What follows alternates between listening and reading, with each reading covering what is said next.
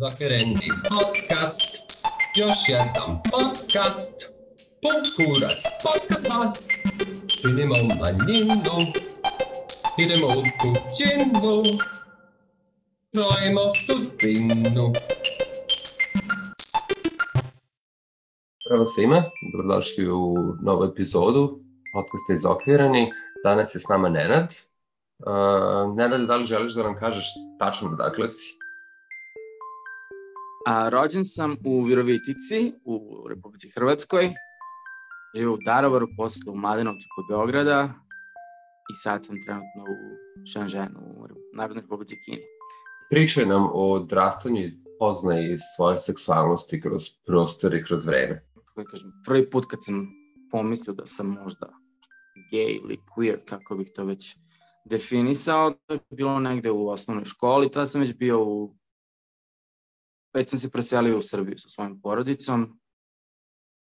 Kažem, neki momenti, to su bili možda oko 12-13 godina, kada sam prvi put shvatio da, da me privlače muškarci.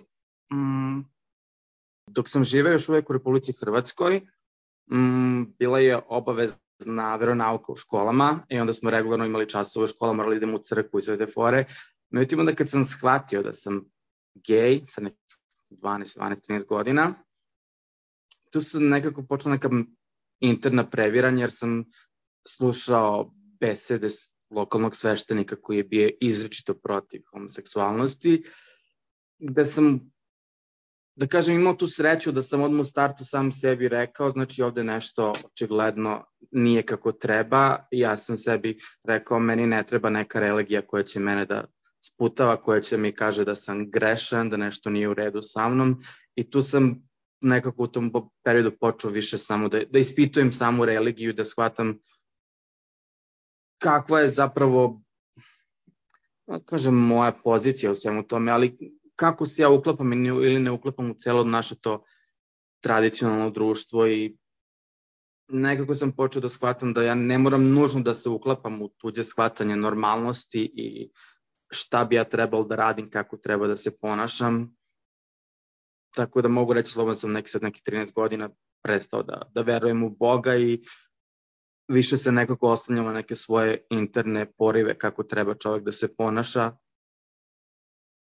a opet u skladu sa, a kažem, društvenim normama, ali kažem da je naš pojam norma, morala i etike duboko ukorenjeno u hrišćanstvu. Tako da, iako sam sebi rekao da ne verujem u Boga, ipak je tu bilo neke neke sitnice, momenti koje, koje jednostavno nisam, nisam bio u stanju da isključim, jer celo naše društvo se zasniva na tim nekim hrišćanskim dogmama što se tiče morale, etike, pa naravno i seksualnosti, seksualne orijentacije i svega toga. Kažeš Kaže da si shvatio da ne mora da se uklapaš. Koliko je to bilo lako ili teško ostvariti?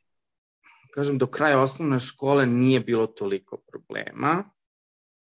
A, početkom srednje je već postalo jako teško biti biti svoj, zato što sam bio, da kažemo, izuzetno feminiziran, što u našem društvu jednostavno i dan danas ne prolazi, zato što sam pojam feminizirani muškarac podrazumeva nešto što je inferiorno u odnosu na, kažemo, regularnog muškarca i da kažem da su dolazilo do nekih prvo verbalnih, a posle fizičkih sukoba sa vršnjacima, zato što jednostavno su videli u meni nešto što im se nije dopalo, a opet možda su, zato što za neke od njih znam da su kasnije i sami se možda ne autovali, ali su bili sa muškarcima kasnije u životu i mislim da je sama činjenica da sam ja bio toliko otvoren njima smetala jer sam radio, mislim, živeo sam onako kako, kako oni nisu se usuđivali da žive, nisu u tom periodu neke adolescencije bili spremni da,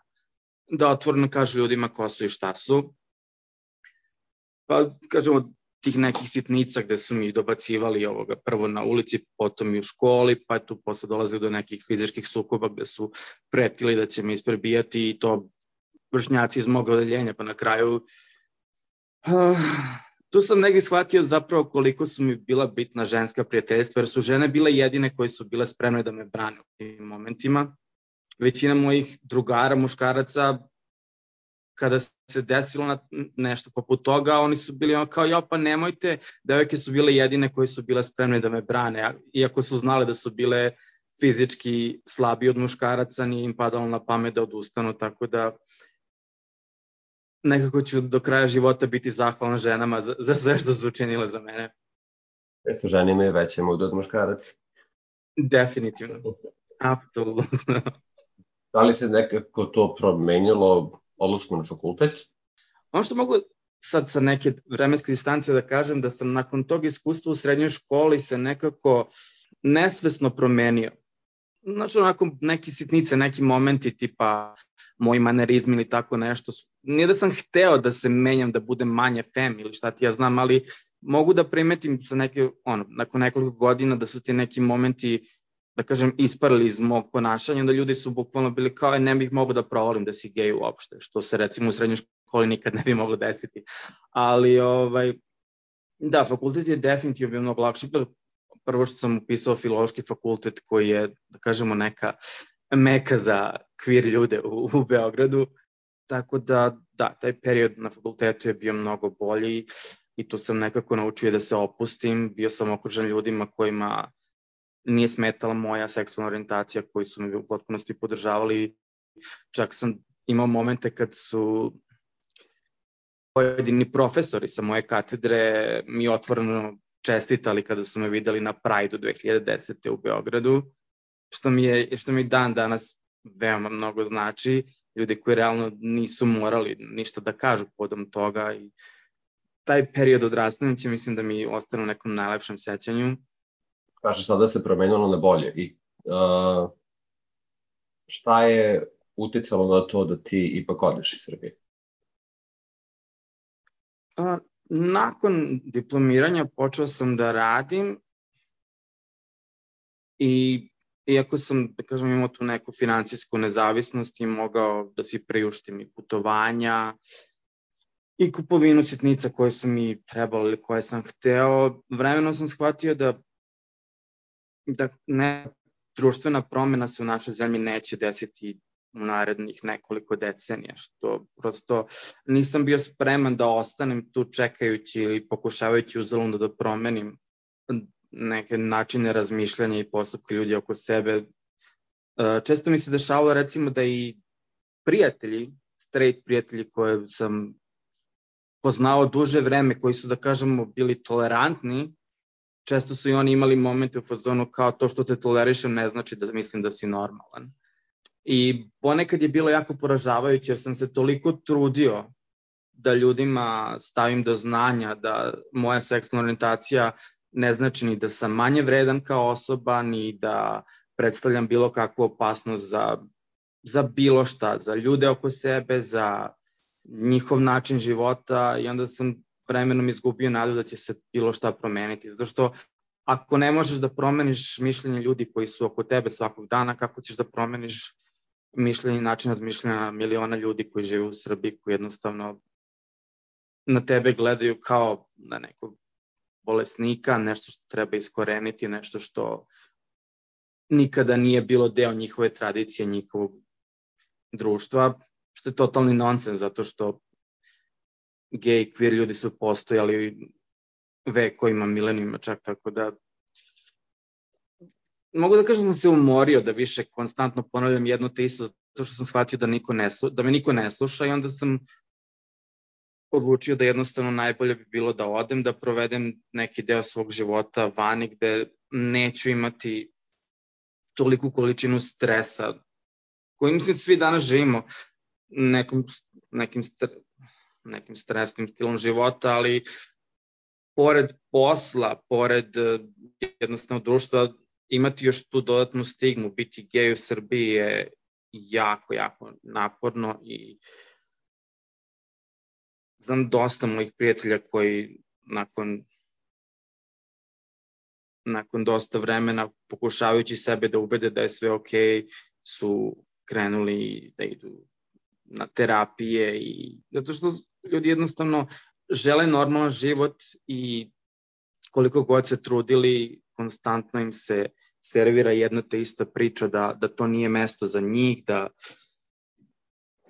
da treba da ako žele da ostane da žive tu, treba da se jel te, cenzurišu, da, da se ponašaju kako drugi očekuju od njih da se ponašaju, da, da se ne ističu, da nema poente da imamo pride, da nema poente da tražimo zakone o istopolnom partnerstvu ili zakone o bračnoj jednakosti. Jednostavno ljudi posle određenog vremena, ukoliko ne odu iz Srbije i ništa se ne promeni kao što se nije promenilo već decenijama, postanu depresivni, više im nije ni do čega i jednostavno shvatio sam da ako ja ostanem u Srbiji, ne mogu da kažem da nisam pomišljao čemu živeti, zato što hm, teška je tema, zaista ovaj, ne bih da, da bedačim sad, ali ovaj, ne, pa bila je, bila je, jednostavno tvoje priče, tako da. Bilo je depresivnih momenta negde pre 30. godine kad sam stvarno, najme, konstantno sam radio, putovo od kuće ovoga, e, na posao svaki dan i nisam imao vremena ni za šta i u svemu tome nisam bio ni u nikakvoj vezi trenutno, niti sam izlazio i sve to nekako se poklopilo da sam shvatio da je u jednom momentu ili ću otići ili ću, ne znam, odlepiti u tom momentu i onda kad sam konačno prelomio da odem, a u dobrom delu moja odluka je, na moju odluku si uticao ti nakon što sam ispričao sa tvoje iskustva iz Šangaja. I eto, nekako se to prelomilo u meni da je vreme da odem. Mada me je dosta prijatelja pitalo zašto sam odlučio se baš za Kinu, zato što, ok, Kina nije poznata kao, jel te, bastion ljudskih prava. Međutim, i u ovoj jednoj komunističkoj Kini koja je, jel te, totalitarna, autoritarna, šta ja znam, ja nemam nikakvih problema. Znači, ja bez problema mogu da se šetam sa ulicom držeći muškarca za ruku, mogu da se poljubim sa svojim dečkom ovde. Niko ništa neće uraditi, što realno u Srbiji 90% slučajeva će se desiti da vas neko napadne ili verbalno ili, naj, ili veoma često fizički da vas napadnu zbog toga. Razmišljam o povratku u Evropu, ali recimo i dalje ne vidim sebe da živim u Srbiji na duž period, zato što ovde sam se konačno nekako smirio i naučio da živim život, pa što se tiče moje seksualnosti, da budem opušten, da, da nemam nikakve presije u životu povodom toga. I sama pomisao da se ponovo vratim u Srbiju i da, ne da se, da kažemo, go back in the closet, ali neke stvari koje ovde shvatam zdravo za gotovo u Srbiji dalje ne, ne prolaze i jednostavno ne mogu sebe da zamislim da ponovo prolazim kroz sve to, pogotovo ukoliko bih živeo u manjem gradu, to jednostavno ne želim sebi ponovo da dozvolim. Jasno. A sad, spomenuo se da osjećaš neku, osjećaš dosta veću dozu slobode u Kini, iako nije otvoreno društvo. Odakle misliš da to dolazi? Znači, razmišljao sam dosta o tome, uh, ok, stranci u Kini definitivno imaju, da kažemo, neke veći stepen slobode zato što ih niko ne dira, generalno ok, tu ima, ima pomalo svega i kinezi ne vole često da se mešaju sa strancima, ali imam i dosta prijatelja kineza kojima sam, kojima sam se autovao u startu i uopšte nemaju nikakav problem sa mnom. Mislim da je to do njihovog društva. Generalno nisu toliko nasilni kao kod nas, nemaju potrebu da sve nesuglasice i neslaganja rešavaju pesnicama, batinama ili čime ti ja znam. Ako im ako im ne odobravaju moj način života, oni to, možda će nešto promrmljati kad prođem pored njih, ali nikad mi ništa ružno re, neće reći u facu, a pogotovo ne bi me nikad fizički napali, tako da... A i ne razumeš šta kažu, pa te napalo. ok, i to. Nažalost, nisam uspio da savladam jezik, tako da verovatno ne bih ni razumeo šta mi kažu, ali generalno primećujem to je recimo kad sam bio sa, u vezi sa kinezima koji su, da kažemo, nisu autovani svoj porodici, ali nije im bio problem recimo da se poljube na ulici, što realno ja sećam se nekih primjera iz Srbije koji su mi toliko ostali urezani u pamćenju da svaki put kad bih i pomislio da tako nešto uradim u Srbiji, definitivno se ne bi odvažio da tako nešto uradim, zato što jednostavno taj neki mentalitet koji kod nas vlada još uvek mi ostavlja neka gorka sećanja i utiske poda nekog perioda koji je prošao tamo. Da li se na još neki način promenio kvalitet tvoj života odlaskom iz Srbije? Pa mogu reći da sam, ne, ne mogu da tvrdim koliko to ima veze sa odlaskom iz Srbije, koliko ima veze sa, sa mojim godinama i koliko sam prestao da više brinem šta ljudi misle o meni, šta pričaju, jednostavno me više ne interesuje.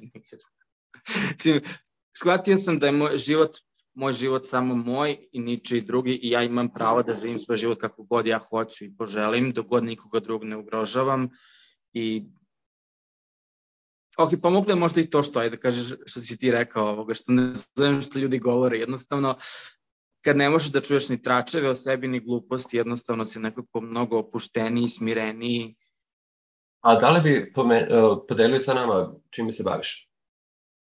A, ja sam nastavnik engleskog jezika. I da li si i na poslu javnog je? A, trenutno u ovoj školi sam trenutno nisam. Bio sam ranije u prvoj školi koju sam radio u Guangzhou i nisam imao nikakve probleme na poslu. Bilo nekih komentara iza leđa koji su bili totalno nebitni. Ovaj. A nekako sam shvatio da nema poente, zato što ljudi sa kojima sam radio, s kojima sam ostao u kontaktu nakon posla, nemam problema da, da se autujem njima, ali ljudi recimo sa kojima trenutno radim, dosta su povučeni po pitanju, ne pričaju o svom privatnom životu i nismo toliko bliski da bi osjećao potrebu da im se autujem. Zavisi prosto, mislim, ako se stvori neko prijateljstvo sa kolegama, uvek sam potpuno otvoren o svojoj seksualnosti, međutim ukoliko se to ostane na nekom, da kažemo, kolegijalnom nivou gde nema nekog dubljeg prijateljstva, ne osjećam potrebu da, da, da podelim sve sa ovom. Međutim, tu, ukoliko bi me sreli sa, sa muškaracima, nikad ne bi krivili tako nešto. Mhm. A što se posla tiče, ponovo, da li si bio u situaciji da moraš da prihvatiš neke poslove u inostranstvu koje nisi želeo samo da bi mogao da ostaneš? Nisu sve pozicije na kojima sam radio, kažem, bile idealne, ali uvek sam imao opciju. Znači, nije, da, neko sam, kad sam stekao tu neku financijsku nezavisnost da mogu da uradim šta god hoću, nikad nisam sebe doveo u situaciju i kažem, e, ok, sad moram da prihvatim moj posao, suprotno sve ode u vraga. Uvek sam imao dovoljno ušteđevin da, da si mogu priuštiti nekoliko meseci ili godina da ne radim. Tako da nikada nisam prihvatio baš da kažemo neko teško izrabljivanje. Nažalost, dosta ljudi jeste, to pogotovo i naših ljudi sam dosta upoznao ovde koji su prihvatali katastrofalne uslove rada, od toga da im se oduzima pasoš, da ne mogu da odu kući kad god hoće. Ja srećem nisam, nisam se našao u takvoj situaciji, nisam si dozvolio da se u takvoj situaciji nađem, zato što mislim da je jako bitno da naši ljudi shvate kad odu u inostranstvo da da imaju određena prava koje niko ne može i ne sme da im oduzima i da, da uvek mogu da kažu ne ako nešto nije u skladu sa njihovim zahtevima, potrebama, ubeđenjima, kako god.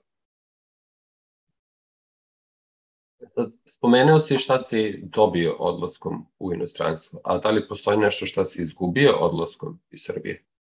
Ono što mi najviše nedostaje, ono što sam izgubio je vreme sa mojim najbližima, dok sam bio ovde, uh, postao sam street dva puta i jako malo vremena sam uspeo da provedem sa, sa klincima i mnogo mi nedostaje moja majka i moja baka, tako da to je jedna od onih stvari na koje jednostavno moramo da se naviknemo ukoliko želimo da živimo daleko od, od kuće, od, od, od svoje porodice, to je da, da će uvek postojati taj neki možda ponekad kažem i osjećaj krivice.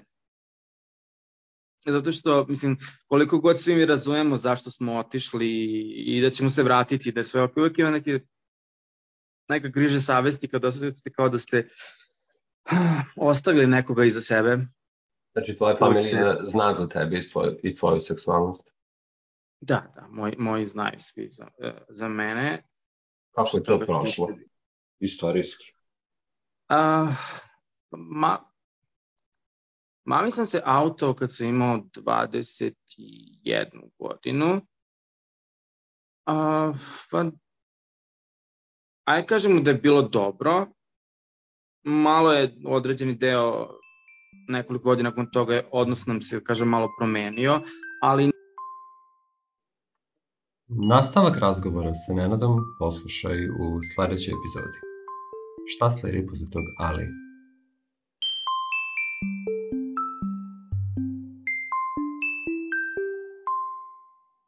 Izokvireni podcast možeš pronaći na sajtu izokvireni.com. Tamo ćeš već videti linkove za naš profil na društvenim mrežama. Ako ti se dopadamo, označi to i tamo i još bolje ostavi nam recenziju na platformama na kojima nas pratiš. A u slučaju da želiš da budeš naš gost ili znaš neko ko bi to mogao ili trebalo da bude, piši nam na e-mail adresu izokvireni Var mısınız kral?